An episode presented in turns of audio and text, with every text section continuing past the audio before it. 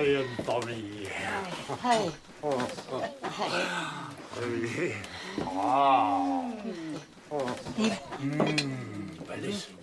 Hvis man så godt tak på pappa, kan dere få en litt sterk kaffe til middag, så han er i stand til å spise sammen med oss? Er han full? Tradisjon, det, ikke sant? Du er helt uberørt. Det er jeg vel ikke. Jeg har levd med dette en stund, ikke Ja, men du er ikke alene om det, og jeg trodde da virkelig at dere også hadde snakket om at dette skulle bli en annerledes at det går jul. ikke an å snakke med ham om sånne ting. jeg.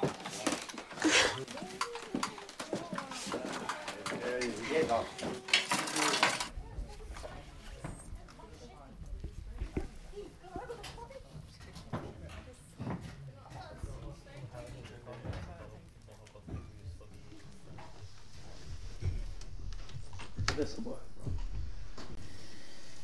Ja, takk alle sammen for eh, å ha blitt med på denne fine kvelden og filmen når nettene blir lange. En film fra 2000, regissert av deg, Mona Hoel. Velkommen. Tusen takk. Tusen takk for at jeg får å være her. Eh, nå har det seg sånn at du akkurat har vist denne filmen eh, Stemmer det at det var to ganger i Oslo og en gang i Lillehammer? Ja, Det stemmer. Og så er det tre visninger nå før jul. Som generalprøve på julaften. Er dette i ferd med å bli en sånn slags kult julefilm eh, her i Norge? Det er morsomt at den fortsatt er aktuell da, etter 20 år, og at de unge fortsatt syns det er gøy å se den. Jeg liker det.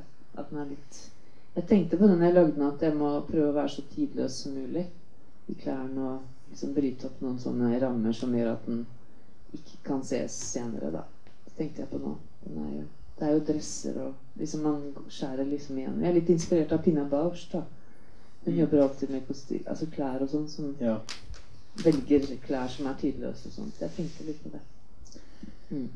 Vi kan hoppe litt tilbake, og så kan vi hoppe enda mer tilbake senere i samtalen. Men jeg liker alltid eh, å starte med et spørsmål. Altså, hvor plasserer du frøet som skulle bli til denne filmen? Altså, hva, hva er det startskuddet for Altså- dette prosjektet? Ja, det, det var jo etter, etter en Altså, det har jo vært Det, hadde jo vært ca. 42 sånne julaftener i mitt liv. Og så var det en som toppa seg veldig. Og da skrev jeg første utkast eh, til dette manuset etterpå. Så ble det liggende. Det var nok kanskje i 95. 94. Sånt noe. Eh, men det er bare Jo. Og så fikk jeg datteren min i 97. Og hun kom liksom bare til verden og så meg dypt i øynene og sa Ja, nå er jeg kommet, så nå skal vi ordne opp. Nå skal det ryddes og vaskes i alle skap, og alt skal opp, og Hun var sånn Hun var sånn menneske helt fra hun kom ut. Nei, nei, dette her må vi ordne opp i. Og da begynte jeg å bearbeide den første versjonen 19, Hun fikk barnehageplass 1998. og Da begynte jeg å slå den, den versjonen her ut på skrivemaskinen. Det gjorde forferdelig vondt. Jeg hadde sånne fantastiske morgener med henne. Så gikk jeg med henne til barnehagen. Og det som er fantastisk man får barn, er at man blir tidsslave. Så fra hun hadde blitt levert til jeg henta henne igjen, så, så, så skrev jeg på dette forferdelige manuset. Hva, hva endret seg fra den første versjonen, eller den første visjonen du hadde for filmen, til, Mm. til La oss si det tidspunktet du var klar til å planlegge opptakene? Jeg tror at det som endra seg mest, det var nok den tilspissingen og det polske At jeg tydeliggjorde det polske innslaget mer. At jeg turte å bruke mer den kontrasten til den, det, det jeg bringer inn. Den andre kulturen. Tørte å Jeg ble mer oppdatert på polske gjestearbeidere i Norge. Jeg begynte å tenke på hvem er egentlig hvem er det egentlig vi Hvem representerer vi, og hvem, hva er vi, som liksom er det der fine landet hvor alt er så bra? Og så kontra da Og datteren min er halvt polsk, så jeg har jo veldig mye omgang med dette brødet som brytes og, og Ja, i det hele tatt. Så det Jeg tror det tilspissa seg veldig etter at jeg fikk barn. Altså at det ble tydeligere for meg. Det ble liksom tydeligere. Og jeg må jo liksom innrømme at jeg skrev manuset, jeg regisserte skuespillerne, men på slutten, når faren kommer, så var det først i klippen at jeg skjønte hvor lurt jeg også var. For jeg var jo bestevennen til pappa, ikke sant. Så min pappa.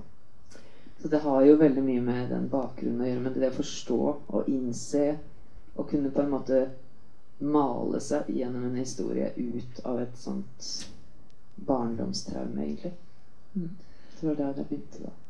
Det høres jo Altså, du sier jo at veldig mye her er basert på selvopplevde ting, men hvordan føles det å liksom jobbe og bearbeide og dramatisere videre på noe som er basert på selvopplevde ting? At du kanskje må ta et valg som bryter med den virkeligheten du kjenner til, men som er rett for historien eller for rollefigurene, eller Jeg tror det er veldig viktig når man jobber med uttrykk, å tenke Altså, jeg, jeg, for det første så har jeg ikke noe valg. Det er på en måte ikke noe jeg sitter og tenker så veldig mye på. Det kommer, og så tenker jeg at eh, ved å dele denne historien, så kan jeg bidra til å skape forbedring for veldig mange andre. Og det har jo vært veldig gøy med hvordan denne filmen ble tatt imot. da. At jeg også har vært i India og møtt indiske kvinner som takka meg for at det virka som om jeg hadde vært hjemme hos dem på julaften. Og nå skjønte de endelig at eh, de, måtte, at de var offer av noe, og at de måtte begynne å ta tak i ting.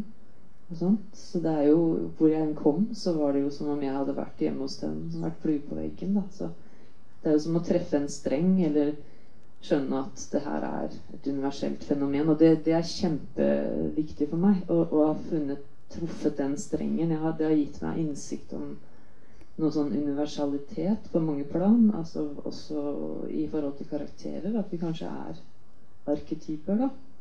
Et visst antall. Altså en fa familie er familie i alle land, uansett hudfarge.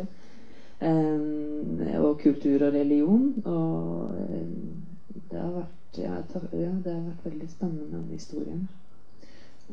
Visste du helt fra begynnelsen av eh, hvordan denne situasjonen og, og liksom startskuddet for denne historien og plottet skulle forløse seg? Var det med helt fra begynnelsen av? Ja, det var det. det. det. var på en måte alltid den der bilturen å hente opp og hente opp de ulike og få etablert de ulike konstellasjonene, og at Gunnar har reist i forveien for å gjemme spriten. Det var, det var nok det. Og den hytta hadde jeg jo skrevet manuset til, så den kjente jeg veldig godt. 32 kvadrat. Wow. Eh, og de soverommene er enda mindre enn de ser ut her, faktisk. Det er ett bilde hvor man avslører størrelsen på stua. Det er det ovenfra når julaften og alle kommer pynta. Da ser man hvor lite det er. Men vi var jo også tolv stykker bak kamera. Og så hadde vi fem kameraer. Så det var jo også fire operatører til utover hovedoperatøren. Så det var trangt, ja, med hund og to barn. Jeg hadde lyst til å snakke litt om dette med Dogme 95-konseptet eh, og og konteksten rundt denne filmen.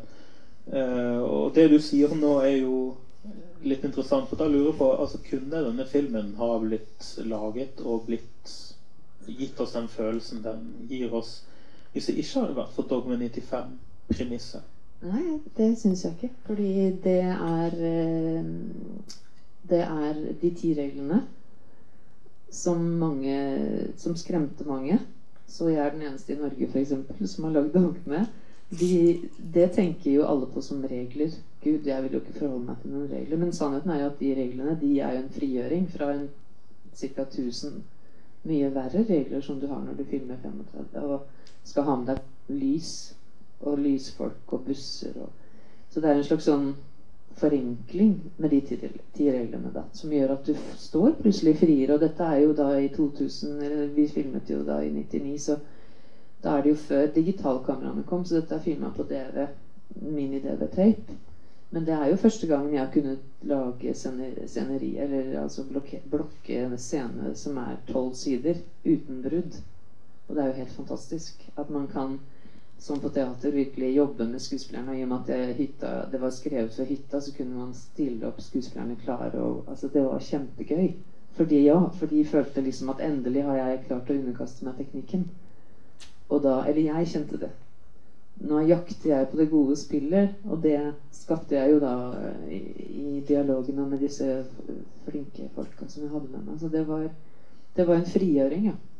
Så jeg tror ikke dogme uten det. Selvfølgelig kunne man fått det til, og i dag kanskje det veldig gjerne det hadde blitt eh, kanskje vel, kanskje dynamisk nå også, men det var jo noe med jeg tror det var noe med hele det at jeg også Det trøkket kommer av at jeg var så drilla på 35. Jeg var så drilla på å holde meg til merker. Jeg var liksom liksom bakbundet, hørte jeg, etter filmskolen og jobba mye med 35. Så står man liksom med eh, hånd, det? Hånd, nesten håndjern. Liksom man må forholde seg Det er så mye regler og, og Nei, det går ikke. Nei, det går ikke. Nå må jeg vente. Så venter man, så kanskje bygger man opp noe kjempedynamisk med skuespillerne, og så plutselig så må man vente på lys i to timer. Og da blir jo temperaturen mye kaldere. Altså, ja, det faller fra hverandre på en annen måte. Her var det mer sånn opp, altså go. Det var gøy. Dogme 95 har jo begynt å bli en stund siden. Um, mm. Og uh, den andre tingen som kanskje forkludrer litt måten vi husker Dogme 95 på, er jo at formspråket vi så i kveld, har blitt mer vanlig, kanskje mer normalisert nå etter hvert som Ja, jeg har jo et, et kamera som kanskje er enda bedre enn det du brukte under innspillingen her i lommen. Og men, men kan du liksom prøve å male et bilde av eh, hva Dogme 95 gjorde med filmmiljøet i Skandinavia, og, og hvordan det var da liksom disse rare danskene kom med Ja, det som kanskje var en gimmick, kanskje var en vaskeekte filosofi, kanskje begge deler? Ja, ja, det var jo veldig spennende, fordi eh, vi skjønte jo ikke Eller jeg skjønte ikke helt først, men når jeg begynte å gå inn i reglene, så skjønte jeg jo plutselig at det For det første var jo en av tankene at de Sånn som nå, akkurat nå er det jo akkurat likt, egentlig, at det er mest historiske epos og kommersielle filmer som får støtte. Og det var jo en av grunnene til at Dogmebrødrene var så sinte og ville skape et dogme for å slippe til samtidshistorier. Så det var jo kjempebra. Altså Det er jo hele planen med hele konseptet. Det viktigste av alt er innhold. Og at eh, innhold som er fra vår tid, endelig skal komme opp på lerretet uten at det behøver å koste skjorta. Og at, eh, at disse eh, reglene som, som gjør at man ikke får lage sjangerfilm Du skal ikke ha blod, ikke pistoler og ikke kniver og sånt. Du skal ikke ha lys. Du skal ikke ha bare naturlig lys, eller ha med deg da lyskilder. Du kan jo bruke stearinlys, da, men du skal ikke ha musikk, og du skal ikke etterarbeide lyden. Eh, sånn at du lager sånne pene overganger. Det er klipp. Og dette gjorde jo faktisk eh, noir-bølgen på 60-tallet. De hadde de samme reglene, egentlig. Det er bare en slags sånn for, for, fornying av de reglene som, som Dogmebrødrene brukte, da. Men det fører jo til at skuespillerne også har med seg egne klær. Altså sammen med meg, da, at vi finner fram hjemme i garderoben. og Sånn som den eh, scenen med Kari Simonsen i slutten der. Når hun skal gjøre den forferdelige scenen og bli kasta ut av barna sine. Da hadde hun jo migrene. For det første når jeg kom på sett. For hun kunne ikke gjøre den scenen. For sånn snakket ikke barn til sine foreldre. Og mødre snakket heller ikke sånn til barna sine. Så det, det kunne hun bare ikke Hun kunne ikke spille den scenen. Så hun sa jeg, jeg gjør det ikke. Og da måtte jeg jo fram med mine, alle mine regikunster og på en måte tulle og spørre om hun ville ha kaffe og smertestillende. Og så måtte vi snakke gjennom For jeg er jo veldig glad i skuespillerne mine. Jeg har lært av Bergman at man må elske de. Og da vet man at eh, når de snakker om migrene, da er det alvor, altså. Da må man bare fram med alle mulige kort. Men hva er det da, kjære venn, liksom, hva er det som plager deg sånn? Ja, det var den jakka som hun hadde valgt, for den hadde moren hennes strikka til henne. Og hvis moren hennes hadde visst hva slags forferdelig mamma hun var i den filmen, så hadde hun skamma seg sånn over at hun hadde på den. Ja, men da finner vi en annen jakke, da. Nei, jeg vil ha den jakka! Og, ok. Ja, men skal vi bare prøve, da? Skal vi prøve det Mens Bishek Han hadde jo lært seg norsk og greier for den scenen, og han sto gira som en Han var jo en hingst, han også, skulle ha sin oppmerksomhet. Skal vi bare gjøre et forsøk, så kan vi se hvordan det føles, da, liksom? Nei, jeg vil ikke det. Nei, greit, nei, men da snakker vi litt om det. Så snakker vi og snakker vi, og så plutselig så vi, Nei, nå vil jeg prøve, da. Da prøver vi. Og så prøvde vi. Og så etter scenen så fikk hun jo applaus. Ble du her i går? Du vet da ingenting om dette! Du har ikke noe med dette å gjøre! Du bare blander deg inn i ting du ikke har greie på i det hele tatt! Det angår meg i aller høyeste grad. Jeg elsker Liv. Ja, Du er moren hennes. Ty stille med deg, du, ellers så Ellers så Jeg går, ellers så går jeg. Ja, men så gå, da, for helvete, så kan vi endelig få feire jul her. Pinga, pinga. Dere hater meg. Jeg går.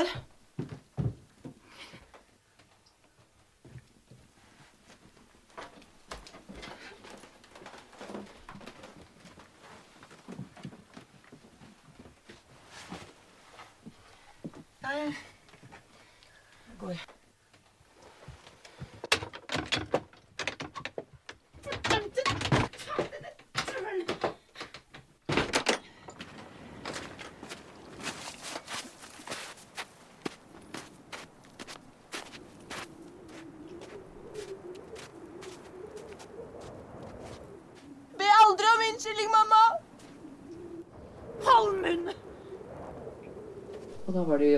Det er sånne ting, tenker jeg, med dogme også. For det er jo liksom ikke sånn som det pleier at det, For alle er jo der, for det første. Og det er også en dynamikk. Vanligvis så bryter man jo stykker alle disse scenene, så sitter de andre et annet sted, så kommer de inn, og så går de ut, ikke sant. Så står de på merkene sine, og så syr vi det sammen i klippen.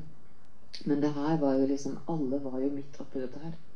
Så, så det gjør jo også at det blir en sånn autentisitet som er helt sinnssyk. Og det at eh, den morgenen så hadde også Geir, Lys, Geir, eh, Geir Kvarme, han som spiller svigersønnen, han hadde blitt med henne for å på en måte backe opp henne i hennes migrene, at hun skulle slippe å spille en da. Og det så jeg jo at han satt der, og sa men Geir, du skal i hvert fall ikke være her før om et par timer. Og så sa jeg bare, kan du kjøre han opp på hotellet igjen? Og det hjalp jo også, ikke sant? For det er jo sånn, at hun liksom, ja, sånn som vi er da, tatt med seg en venn som kunne støtte i kampen. Nei, det var veldig spennende, altså. sånn, men de vil jo bare, altså skuespillere er jo helt fantastiske, jeg elsker de faktisk, og de vil jo bare, ja, de er mitt ansikt utad, og de vil jo bare gjøre det beste. Så, ja. Ja, altså, når jeg ser på denne familien, jeg får liksom følelsen at herregud, jeg kjenner jo denne familien på godt og vondt, og det er liksom så veldig, veldig bra castet. Og da tenker jeg liksom både på de gode og vonde sidene som kommer fram, og du ser liksom en sånn slags liksom rar dynamikk som bare er der fra første sekund. Eh, Fortell litt om hvordan du fant fram til skuespillerne, dynamikken mellom dem og kjemien mellom dem. Jeg, jeg begynte faktisk å skrive de ganske tidlig inn i Altså når jeg begynte å bearbeide etter at Louisa var født, da. Eh, men så eh, Jeg er veldig glad i å forarbeide filmer. Jeg jobber masse, masse med forarbeid. Så da når alle var casta, og jeg var kjempefornøyd, for de hadde fått med Spi- også eh, som jo spilte i Kieslowskis Hvit. Han er en helt utrolig skuespiller. At han takka ja, det var også noe som ga meg litt sånn tro på at ja, da, da holder det. Han leser 60 manus i uka og takker ja til nesten alt. Og så, nei, men ja, til alt. Og så kommer han og så sier han sånn Jeg vil gjerne spille det. Det er et veldig bra manus. Så var det, da, det var jo selvfølgelig veldig viktig. Og så begynte vi å, å bygge konstellasjoner. Og, og egentlig liksom så, så åpna jeg opp for at i improvisasjon da, De fikk ikke lov å røre manuset før på sett, men de fikk lov å bli veldig kjent med hverandre. Så Gunnar og Astrid de, de repeterte bare kjærligheten. Når de møttes, hvordan de møttes, at han tok stiften ned parktrappa når han skulle sjarmere henne første gangen etter at de hadde dansa hele kvelden, for å imponere henne ekstra. At de var helt, helt lost i hverandre fra første kveld. At når de bestemte seg for å få barn og bygge hus. Altså alt det der. Også hvor mye de elska. Altså bare sånt. Og klemme masse og masse intimt. Også på sett så fikk de jo ikke ta på hverandre egentlig i filmen. Så tar de jo neste. Det er bare når hun skal ha han opp av senga. Og, og med Liv så når hun skulle fortelle pappaen sin om at hun hadde møtt den store kjærligheten, da hadde hun invitert ham på middag hjemme hos meg, da. Og da mm, kom jo han for seint. Og når han kom, så han, var han jo full, og så visste han ikke hvor han hadde parkert bilen. Han huska det ikke. Så, Da ble det det som var fokus, men det bygget jo opp under da deres eh, dynamikk veldig, veldig mye. Så det, det, det sånn jobbet jeg med alle, egentlig, liksom, på forhånd. At de rett og slett kunne så mye om historikken i, og relasjonene til hverandre at de, når de sto på sett, så hadde de en haug av hjelpemidler i alle de situasjonene som gikk på ting de hadde gått igjennom. De kjente hverandre liksom, sånn sett veldig godt, da. Ja. Så det. Um, er det litt også sånn du skriver uh, handlingene i filmene dine? At de, de kommer liksom ut av rollefiguren? nærmest. Ja, det tror jeg egentlig er sånn jeg skriver. Definitivt. Mm. Angående sånn du skriver. Mm. Jeg sa jo at vi skulle hoppe litt tilbake i Mm. tid. Og da Mm. tenker jeg at eh, kanskje vi kan snakke litt om eh, utdanningen din. Den er jo veldig eh, interessant, og, og spesielt med tanke på denne filmen, fordi det er kanskje ikke så veldig overraskende, og du har jo for, for så vidt allerede nevnt at du studerte med Bergman på Dramatiska institutet Mm. i Stockholm. Men passende nok til eh, noe som er filmet med DV og med bare naturlig lys og sånn, så har du jo også en eh, fotoutdannelse fra New York. Mm. Eh, Kan du fortelle litt om den? Mm. Kanskje du kan fortelle om New York på 80-tallet? Ja, det det var helt fantastisk. Jeg hadde jo både David Hockney og Robert Frank og, og Cindy Sherman som lærere. De var ikke sånn lærere over lengre perioder, men de var inne i sånne enukesbolker, da. Og det var jo og den beste læreren min, eh, hun er ikke så kjent, men hun var jo den som ledet alt det her. Og det, jeg elsker foto. liksom. Jeg har filmet den nye filmen min selv. og det var det Hoite som sa at jeg burde. Hoite van Hoitema. Han filma jo så sånn Jakobkaffe. Og han, vi snakka veldig mye om det der med instrument. Og liksom å spille en cello. En cello er en cello, men den er ikke en cello før den som spiller på den, gjør den til sin. Og da snakket vi om det i forhold til kamera. Og, det å, starte med det visuelle er veldig viktig for meg. Og det var veldig stor overgang å være så lite perfeksjonistisk og gå inn i dynamikk som vi gjør her. Når, man, når jeg liksom egentlig også der er trent til å komponere og være veldig selektiv og sånt. Men det lærte jeg da på International Center of Photography i New York, og dit søkte jeg meg når jeg var Jeg kom dit i 82, 22 år. Eh, Og det var der jeg grunnla firmaet mitt, faktisk. Men det som var gøy der, var at jeg gjorde foto, masse foto, og ble veldig god på det. Men så syns jeg bare at nei, jeg kan ikke jobbe med foto. Det er dødt. Det er jo, jeg vil ha mer. Jeg vil alltid fange mer. Og så sa læreren min at du må bare ta, kjøpe deg et Super 8-kamera, så begynner du med det. Filmer du.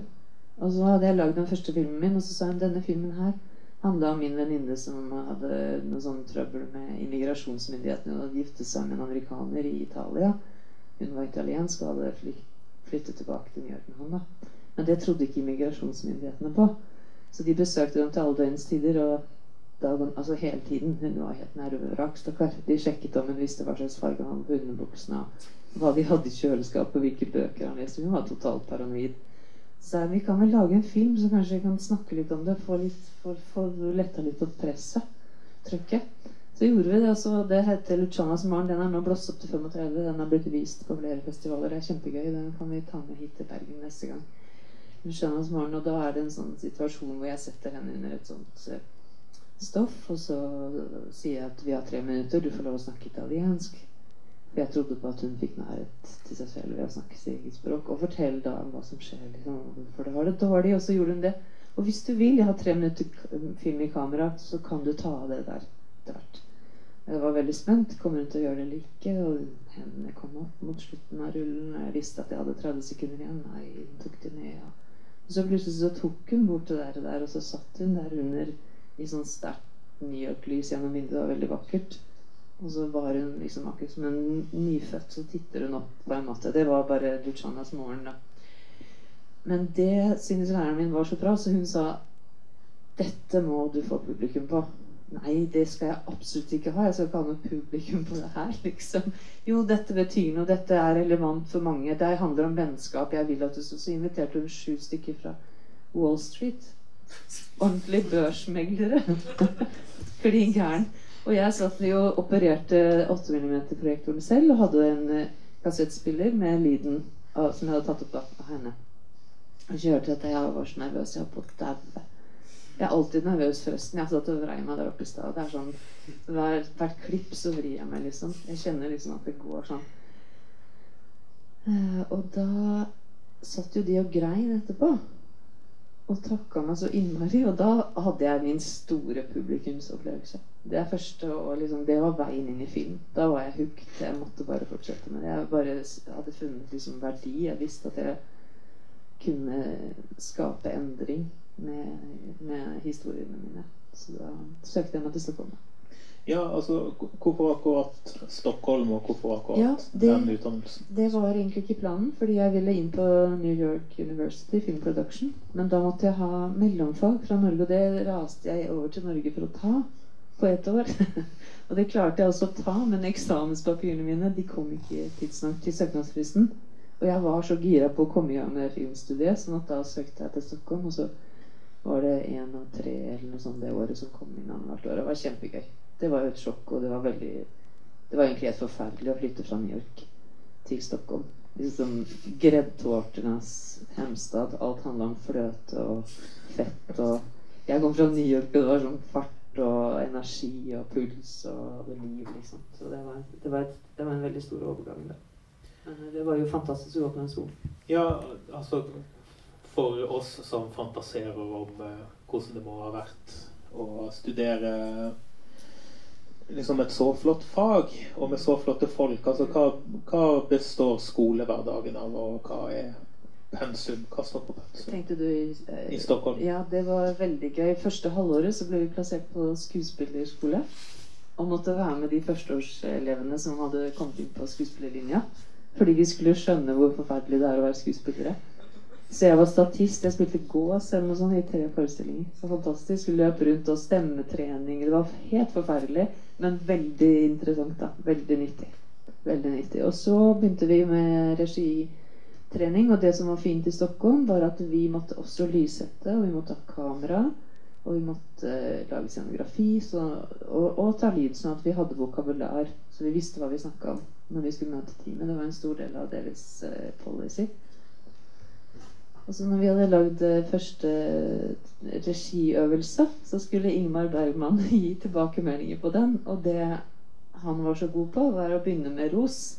Så han sa sånn Fantastisk berettelse. Fantastisk scenografi. Fantastisk kameramann. Fantastisk ljus. Men hva faen har du gjort med skuespillerne? Har du glemt dem, eller? Nei, du får gjøre om denne filmen, ser du. Han sa det så her, ser du. Du får gjøre om det her, ser du.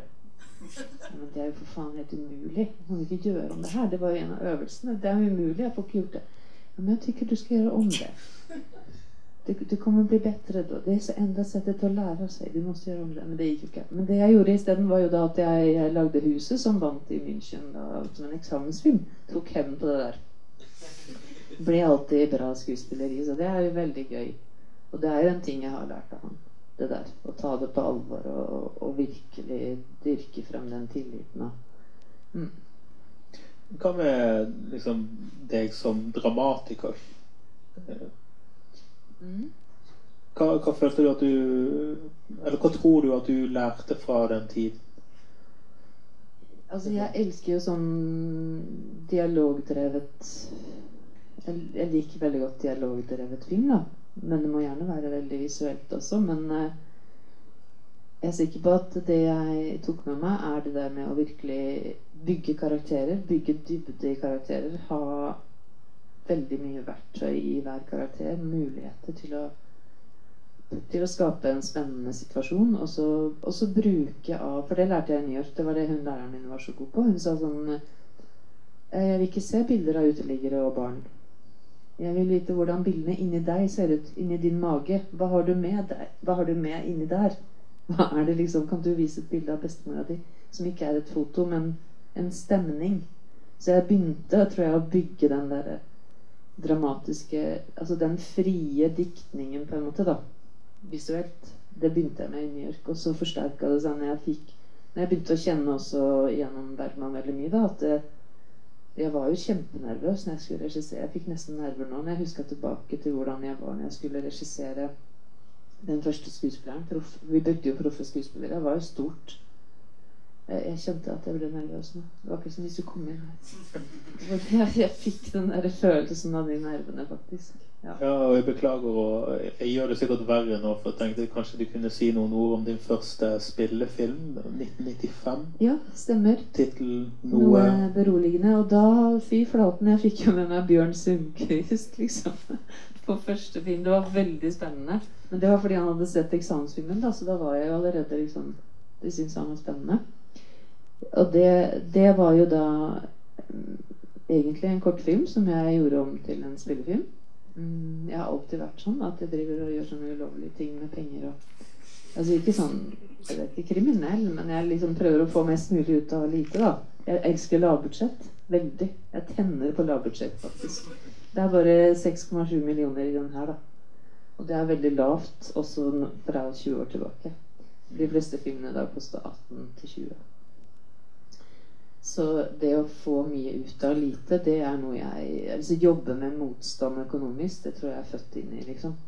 Så da var det den trigger. Så da, da var sikkert ikke Eller nei, det var det helt sikkert ikke. Manusprosessen var ikke like gjennomarbeidet der som den var her. Kunne du bare sagt noen ord om, om hva filmen var for noe? For oss som ikke Ja, ja, det handler om en jente som Det er slags sånn eventyr for voksne. Det handler om en jente som eh, Pappaen hennes han skal felle eika.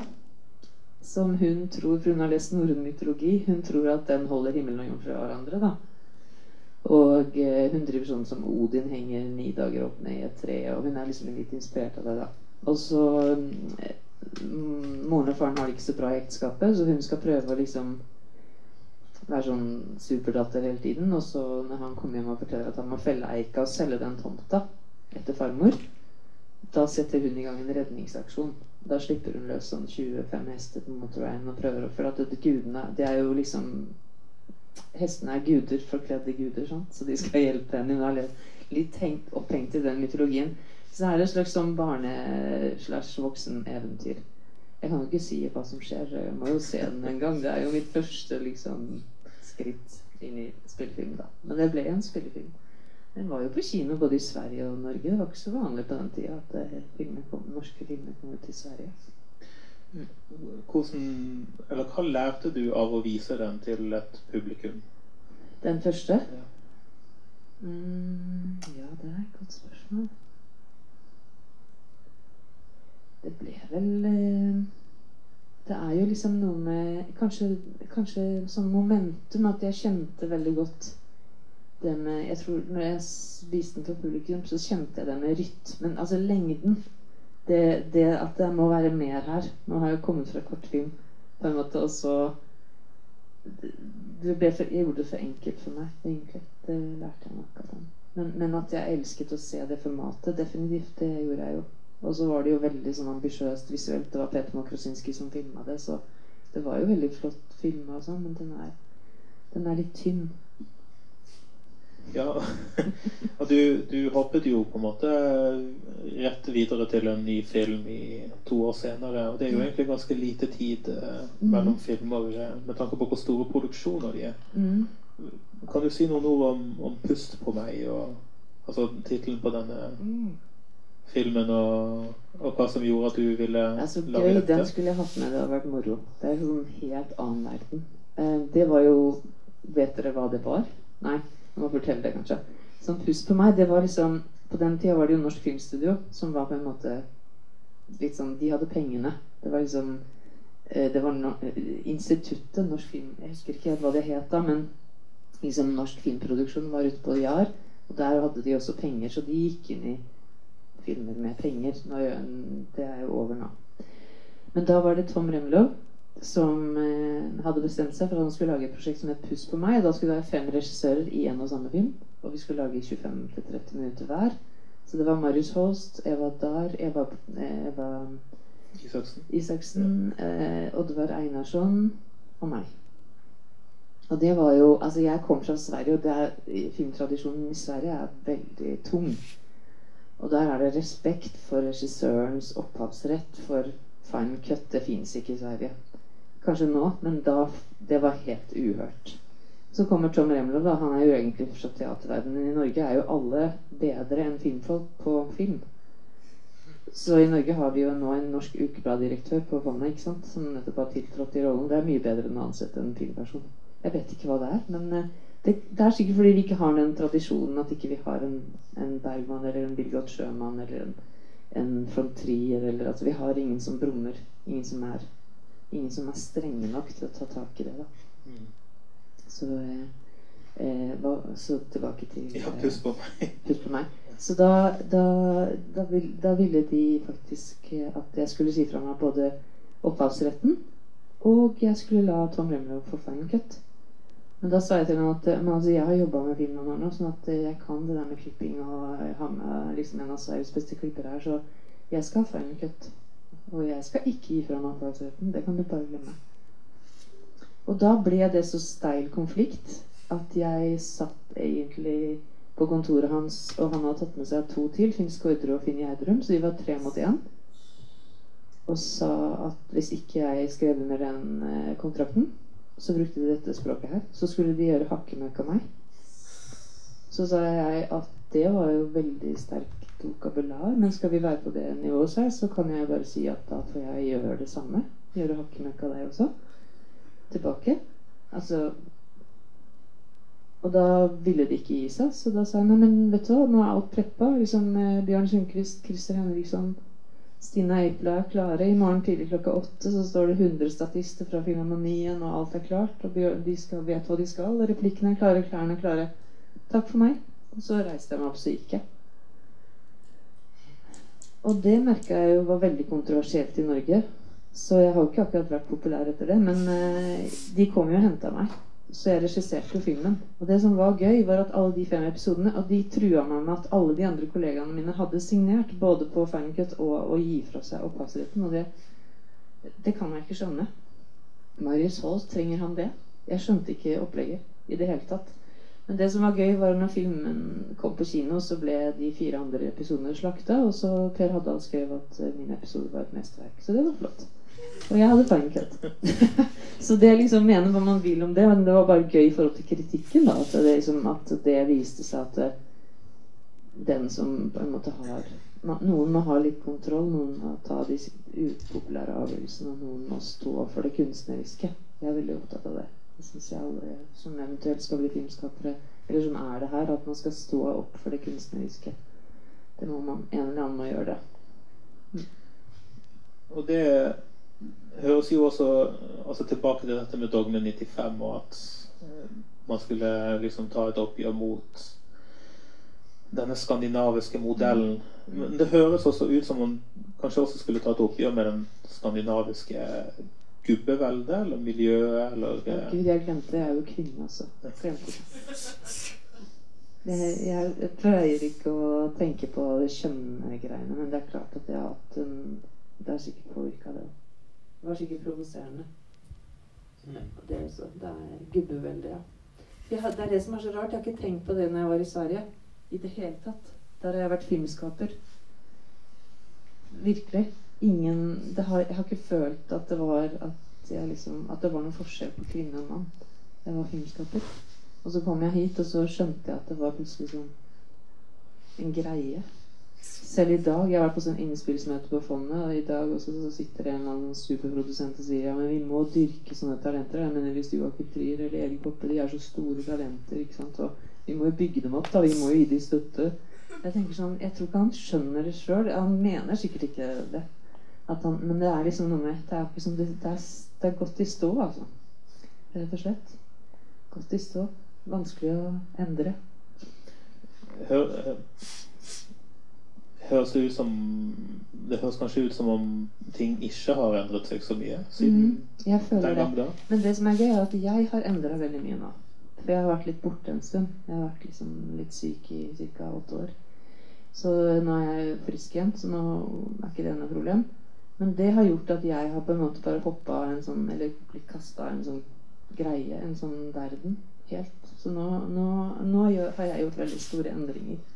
Så nå jeg jo, har jeg lagd to filmer uten støtte og blitt enda mer sånn obstinat enn jeg var før. så nå kjører jeg bare et eget eh, Og det har jeg- Altså, jeg skal, jeg skal lage film, men jeg behøver ikke gå inn i de der eh, liksom norske filmdebattene. Jeg har ikke tid til det. jeg. Må gjøre noe, gjøre noe kreativt. mm. Hvilke historier er det du føler du har i deg som må komme ut nå? Eh, ja, for det første er jo 'Skal dere gå allerede' ferdig nå. Det er kjempegøy, fordi det han, 'Skal dere gå allerede' handler jo om nestekjærlighet, og det handler om hvordan unge ikke har foreldre som tar seg tid til dem. Og, og dermed så havner de ute i masse Det er så mye krefter nå i gang for å liksom få unges oppmerksomhet, og mye dop i små samfunn. Det er ikke det den handler om. Det handler bare om en jente som nettopp har vært og sona i ungdomsfengsel, for hun var innblanda i noe sånn langing. Og så eh, kjøper foreldrene gjennom, på anbefaling av barnevernet en leilighet til henne. Eh, og der blir hun boende alene. Hun er 15 år. Og så er veggene gusjegrønne, og så bønnfaller hun faren sin om hun kan få male de. Og så sier han ikke Nei, det lønner seg jo ikke. Ja, men hvis jeg finner noen malere som er billige, veldig billig, så sier han ja, greit. Finner du noen malere som er veldig billige, så kan du få lov til det. Og hun er så heldig å gjøre det. For det kommer to studenter, en svensk og en nord nordlending, eh, til Oslo for å male over sommeren. Og de henger opp sånne kjempefine lapper hvor det står eh, Vi er to trivelige malere. Eh, relativt rimelig. Ring oss, da, så gjør vi en avtale. Og det ser hun, og så ringer hun de, og så kommer de inn i livet hennes. Og så skjønner de at hun trenger mye mer enn å få de veggene malt. da. Og så bare begynner de å steke egg og bacon til henne. Ja, nå kan jeg ikke si mer, for dere må jo se filmen. Men det er jo veldig gøy. At det er, eh, den ble forhåndsvist på Oslo Pix, og det var veldig gøy med publikumsreaksjoner. Så det er den. Så sitter jeg og klipper natt. Og den handler om Emma som er uh, alenemor, og som får galopperende lymfekjertelkreft og ca. to Dette var før Håp, altså. Denne filmet jeg i 2014. Eh, den handler ikke om Det er ikke samme historie, bare med den kreften. så hun har to og en halv måned på seg til å få rydda opp i sin, eh, sitt ekteskap, som hun fortsatt er på papiret. Hun har gått fra mannen sin, men hun har ikke skilt seg på papir. Og hvis hun ikke gjør det før hun dør, så får han barna, og det må ikke skje. Eh, og det er starten på filmen, og så får vi se hva som skjer. Mm. Og så har jeg Kolbein. Det er nok min absolutt mest dramatiske og spennende karakter. Og han herjer skikkelig med meg akkurat nå, men jeg, jeg må bare bli med han, da. Og finne ut av hva han skal gjøre for å bedre verdenssituasjonen. Men han er en ordentlig høling, og, og, han er så full av faenskap. Men han er egentlig et sprengt menneske, da. Et barn som har hatt uh, Han har opplevd ting som har gjort at han har måttet finne ut av ting sjøl, og så så har han ikke helt uh, Han er ikke helt der han bør være sånn moralsk og etisk. Så um, ja. Den, men det blir spennende. Jeg gleder meg til å dele disse tingene her. Ja. Jeg tenkte å ta opp uh, noe du sa, og blande det med noe jeg sa.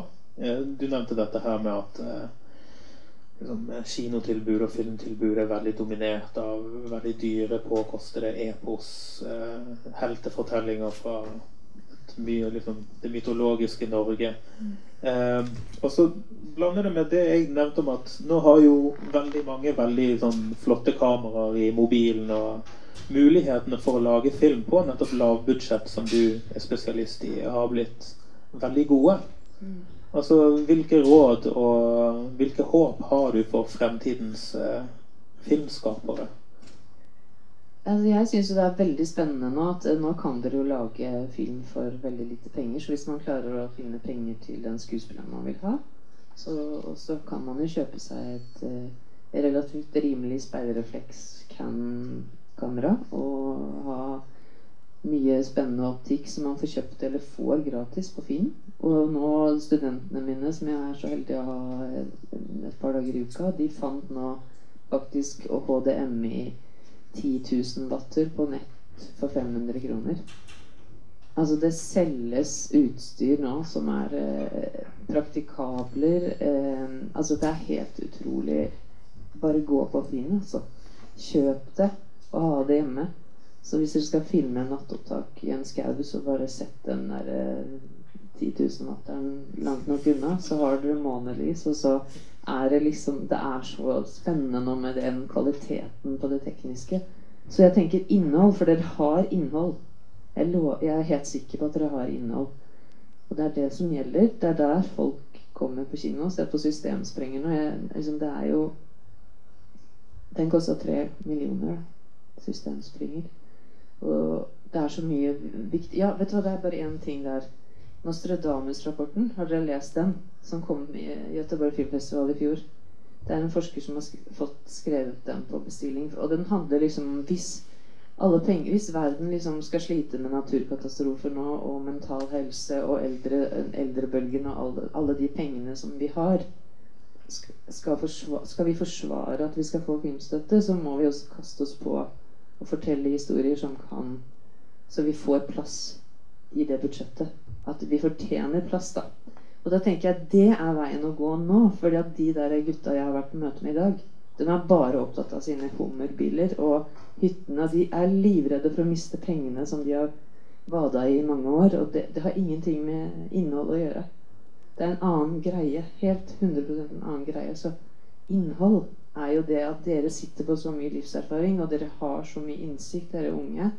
Og dere står i veldig mye, og jeg vet det, for jeg har så mange studenter som, som jeg snakker med hver dag. Og historier, det er det verden vil ha. Liksom. De vil ha historier hvor vi kan få noen sånne hint om kanskje at vi heller bør velge en annen vei, eller at man kan gjøre det sånn, eller at man kan rydde opp i ting, få det ut, snakke om det, lufte det, løfte det ut. Så bare, ja. Ja. Jeg syns jeg var veldig inspirerende. Um, vi har uh, vel muligheten til å få noen spørsmål fra dere som er her. Vi har ikke snakket så mye om selve filmen vi har sett. Nei, da vi glei liksom over på historien, ja. Mm. Um, er det noen som har noen spørsmål, så er det veldig koselig. Ja. Du kan sikkert inn uten mikrofon. Ja, vil, vil du ha den?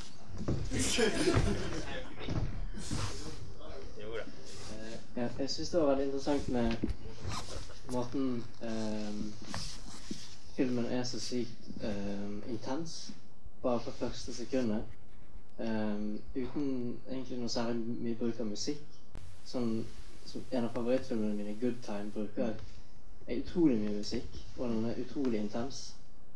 Mens du får på en måte den samme opplevelsen bare ved klippingen og kameraføringen og dialogen i, i denne filmen uten særlig bruk av musikk. Um, og det er jo også et av dogmekriteriene at det skal egentlig ikke brukes, eller det skal brukes på sett. Men uh, var det noe du tenkte på om du skulle bruke liksom ja, musikk for å skape intensitet eller følelser eller men det får man jo ikke med dogmereglene. Så du får lov å bare bruke det liksom inne i filmen. Så jeg tenkte mye på det. For jeg var jo så barn på mandag. Der synger de så mye. Så tenkte jeg at det var et fint grep at de synger som en del av filmen. Så satt jeg nå og tenkte jeg, men herregud, dette gjorde jeg i 2000. Ja, de synger som en del av filmen. Det er liksom det synge inn i filmen. Synge det som en del av spillet når han synger Nattavisa og Og det der når det blir less is more, liksom. At da blir plutselig også den Er det en bombe da? så, så blir den Det blir så mye mer, mer merkbart. Da. Eller det får så mye mer betydelse når de danser tango. Der, liksom, så plutselig så, så er det den eneste musikken, og så får det en sterkere gjennomslagskraft. Da. Mm.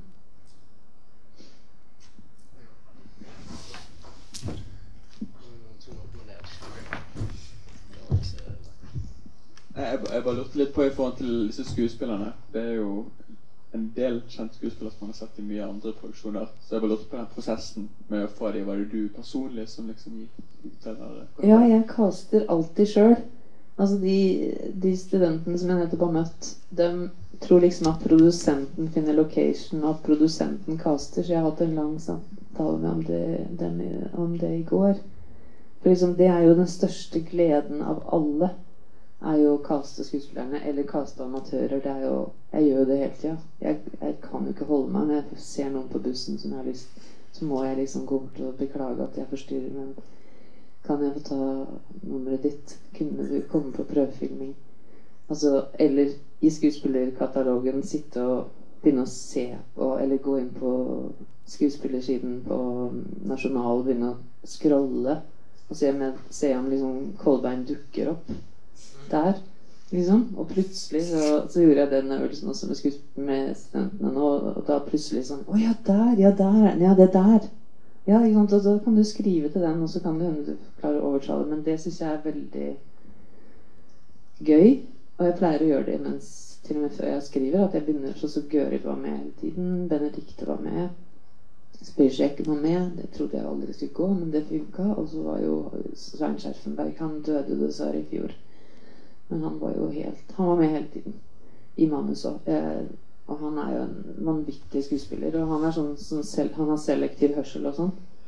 Så han hører ikke det, det flest sier, men han hører når jeg sier, snakker med ham om rollen og sånt. skjønner du? Så det er jo veldig interessant når de andre på settet er så irritert på ham, for han hører jo ikke en dritt. Ok, ja, men han hører godt. Nei, han hører ingenting. Men, det er sånn, men han var jo bare en fantastisk skuespiller. Jeg vet ikke om dere har sett Aske? Han gjør meg noe, bare spør hvorfor han er her. Han vet den ikke sjøl. Allah han, han tilhører den typen som ikke veit noe som helst ja, utenom hornet sitt. Sitt hva for noe? instrumentet, saksofonen. Ja, han er bra. Han spiller bra, men ellers ja. Veit ikke engang. Allan! Ja! Allan, kom hit inn mitt kom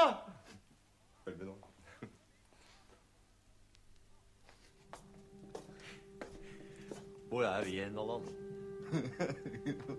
Bra. Skulle gjerne visst det, altså. Fritz skulle jeg så gjerne visst det. Du veit ikke? Niks. Kanskje hun veit det greier? Tror du det, Allan? Ja visst. Ja, spør han vel. Nei, du. Gi faen, Allan. Yes. Hvor mange er klokka, Allan? Nei, du. Ta i den, da. Hvor mange er klokka, Meltegreier? Akkurat som jeg visste det, Geir. Det er gjerne klokka det dreier seg om noe hun ikke veit, som ser ut som ei klokke i trynet. og greier. Jeg? Ja, jeg veit ikke hva han sier heller. Som en Ser jeg ut som en Sett deg igjen. Jeg tar ikke imot ordre i mitt eget hus. Så sett deg da vel. Jeg bare sa for å være hyggelig. Jeg. Teller til tre. Hva gjør du? Sett deg! Den gamle TV-serien ligger på NRK. Når han var ung. Dere burde se den. Aske. Veldig flott. Ja, Var det svar på spørsmålet, eller var det mm. Ja. ja.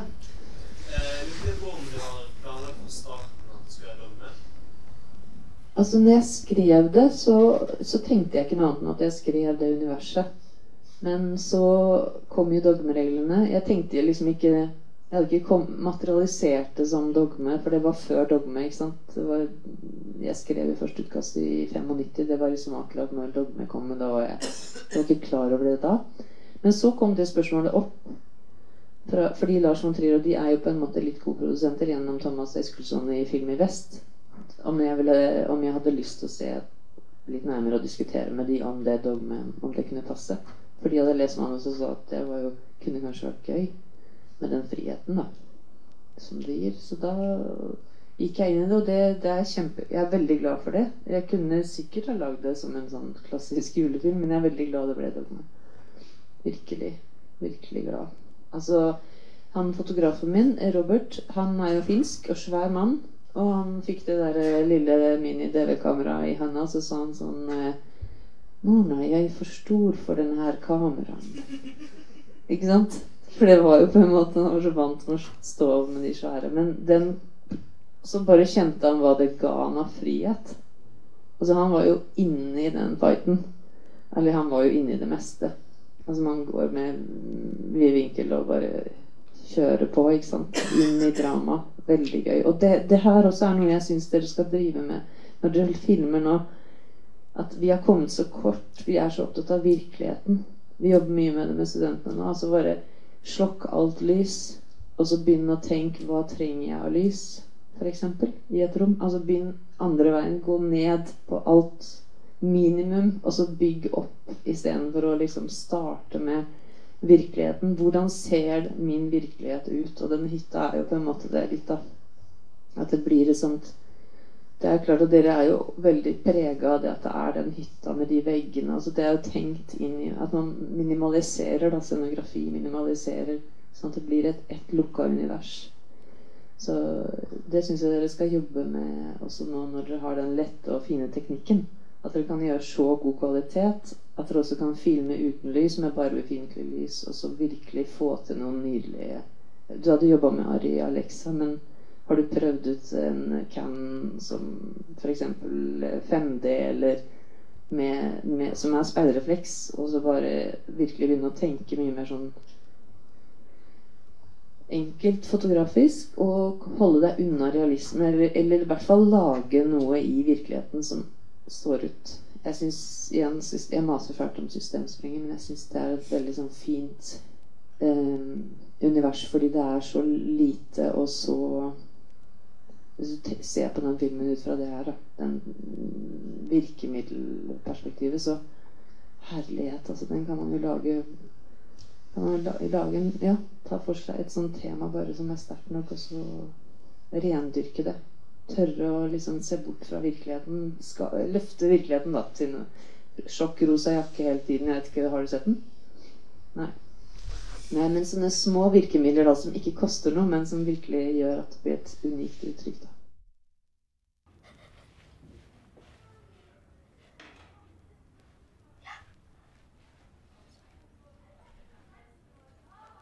Mario Basler. Was ist dein Lieblingslied? Ähm, nächste Frage. Lieblingsfarbe? Rot. Hey, magst du es trotzdem mal probieren? Ich schreibe mit, okay? Helena. Day? Day Mädels, bitte. is Monday. Super. Today is Monday. Dann switchen wir mal ganz kurz zu den Hausaufgaben vom Wochenende.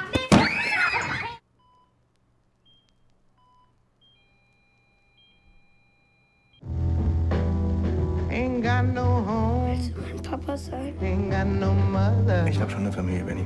Und du auch. Ich habe manchmal richtig Angst vor ihm.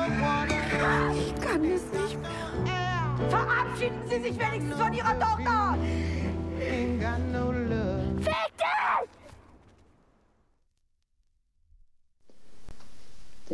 Det, er spennende nå, syns jeg. For vi, i musikk så har de jo gjort det her lenge, og det er en mye lengre tradisjon. Og vi er bare liksom kommet til klassisismen, og nå bryter vi klassisismen. Nå skal vi gå inn i Mozart-tiden og begynne å snu notene opp ned og kaste rundt på symfonien, sånn at alt blir kaos for å finne det uttrykket som er mer personlig, da.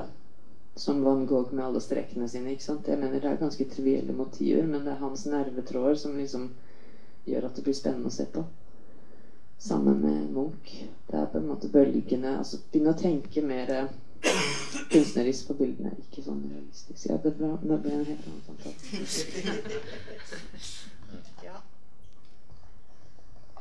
Jeg har et spørsmål. Ja. Bortsett fra 'Når nettene blir lange', hva er favorittdogmefilmen din? Eh, Jeg syns jo både eh, Festen er helt fantastisk. Jeg syns jo også Idioten er helt rå. Mm. De to. Mm. Ja. Ja, ja, ja. Eh, jeg tror jeg spurte deg om det når vi så, for du har lyst til å spare det til eh, samtalen. Eh, og det var når vi så den kortfilmen. Fordi jeg begynte med å tenke i forhold til denne sangen til Maria Boine og eh, innspillingen. Og det, fordi det passer godt sammen. Så er, liksom, er filmen laget for sangen, eller er det sangen som er laget for filmen? Ja, og da sa jeg liksom egentlig begge deler. Fordi den sangen, den ble til mens jeg var Vi var veldig, veldig, veldig nære venner på den tida hvor den ble lagd. Det er i 1996. 95-94, ja, rundt der. Og da eh, var vi på en biltur hvor hun nettopp hadde skrevet den sangen. Og da hadde jeg med meg kamera. Så da drev hun og spilte den. Hun spiller og spiller og spiller om og om igjen. Det er før hun har lagd, eh, lagt på musikken. Da, som, den gikk på loop, liksom. Den, den, jeg ble jernvaska, rett og slett, av den sangen. Eh, og så filma vi litt sånn natur. Jeg lå på panser, og hun kjørte. Eller eh, hun lå på panser, og jeg kjørte med et vanlig kamera. Sånn, ikke noe film. Ingen av bildene vi brukte i filmen. Og så fløy jeg ned til Oslo, og så hadde jeg lest alt om kolonialiseringen av samene før jeg møtte Mari Boine, og da hadde jeg liksom begynt å tenke veldig mye på den tvangskrysningen og den korsfestingen som skjedde i Kautokeino under opprøret, som hvor de skremte. Men jeg hadde liksom bare, det hadde bare surra godt i hodet mitt. Men etter å ha kjørt med henne da i sånn 180 mil med den sangen på loop, så kom det liksom en visjon, og det er det dere ser der, egentlig. Av den greia. Så det var jo Derfor så sier jeg at det henger sammen. Jeg hadde jo ikke fått den ideen hvis jeg ikke hadde kjørt den bilen med henne og hørt den sangen en million ganger, da. Så det Ja. Men hvordan den ble til, er også en interessant historie. Men vi har jo ikke tid til det. Men, eh, men der var det også noe sjokk. Jeg fikk sparka en prest, blant annet. Fordi eh, vi skulle finne de kirkene som eh, er i filmen der. Og så kom vi til en kirke, så sto det en prest på trappa og ropte For Mari var med. Mari Boinevik fra min kirke, du er av Satan. Og så da var det helt drøyt, altså. Så tok jeg telefonen og så ringte jeg biskopen i Trondheim. Så sa jeg du, det står, jeg er på Tysfjord nå, jeg. Ja. Det står en prest på trappa her oppe som eh, Ja, for det første så kaller han kjerka for Ski. Og for det andre så skriker han til Mari Boine, som er med meg her, at hennes og hun, hun er av Satan. Og han fikk sparken med en gang. Så det var egentlig ganske deilig. Men den innspillingen var også forfulgt av sånne ting. Det der, der korsene ble bygget, der viste det seg at vi er liksom mellom Mauken og Blåtind. Det er liksom militær og samenes største kamp da med beiteområder. og Vi visste jo ikke det. Vi var jo bare ute på biltur og skulle stå på ski, egentlig. Og så begynte hele den filmen å komme, da. Så det, nei, det var en helt egen opplevelse. Men det var veldig gøy. Den var jo i Berlin og sånn, i Panorama. Så det var, det var fantastisk. Det var også en film uten penger. Mye film uten penger, da. Rett og slett. Det var jo egentlig ikke noe nytt at jeg driver og lager film uten penger. kom jeg på nå. Det er jo gjort hele tiden. Så det, det må jeg bare bli enda flinkere til. Var det alltid sånn at denne, dette uttrykket med Det minner meg om Ja. Det, vi gjør det sånn. Var det alltid sånn at dette visuelle uttrykket med sånn høy kontrast, svart-hvitt, minte meg litt om sånn tysk ekspresjonisme fra 20-tallet? Var det alltid inkorporert i ideen? Ja, det var det. Det var liksom sånn jeg så det. Det hadde helt sikkert med bare den historielesningen om Altså den tidsepoken det, det var bare sånn det var. Det var så fint. Mm. Er det veldig ofte sånn at du i tillegg til å tenke på rollefigurer også bare tenker Du har jo denne Ja. fotografutdannelsen, sånn at du Ja. bare tenker bilder og tekstur og Ja, ja. Jeg tror faktisk det er eh, en Det er fordi jeg begynte med foto, tror jeg, og det lys og tekstur, ja. Definitivt. Og, eh, og så det der med å Som også i Skal dere gå allerede, det, det er motstand i teknikken. Sånn at det er inkorporert i historien, men det er virkelig motstand i teknikken. Og det er det jo egentlig her òg. Man blir jo litt sjøsjuk på en måte. Eller altså at det er en Det er en, en kornethet også som gjør at du Det er noe annet. Mm. Det er veldig rett for situasjonen, og det er veldig rett for uh, filmen. Og tror vi har holdt på mye lenger enn det vi egentlig skulle. Så da beklager, veldig tålmodige alle i publikum. Ja, veldig, Så veldig hyggelig at eh, Det er veldig koselig å å være her. Supert. Tusen takk. Det er alltid like gøy å bli invitert og bli tatt så godt vare på. Til og med liksom her tilrettelagte hjørnet her. Så bare bli sittende her. Vi har pratet. Absolutt. Vi, vi får avslutte kamerafilmingen og ta det videre derfra. Ja. Takk til publikum, og gi ikke minst en varm applaus til Mona Hoel.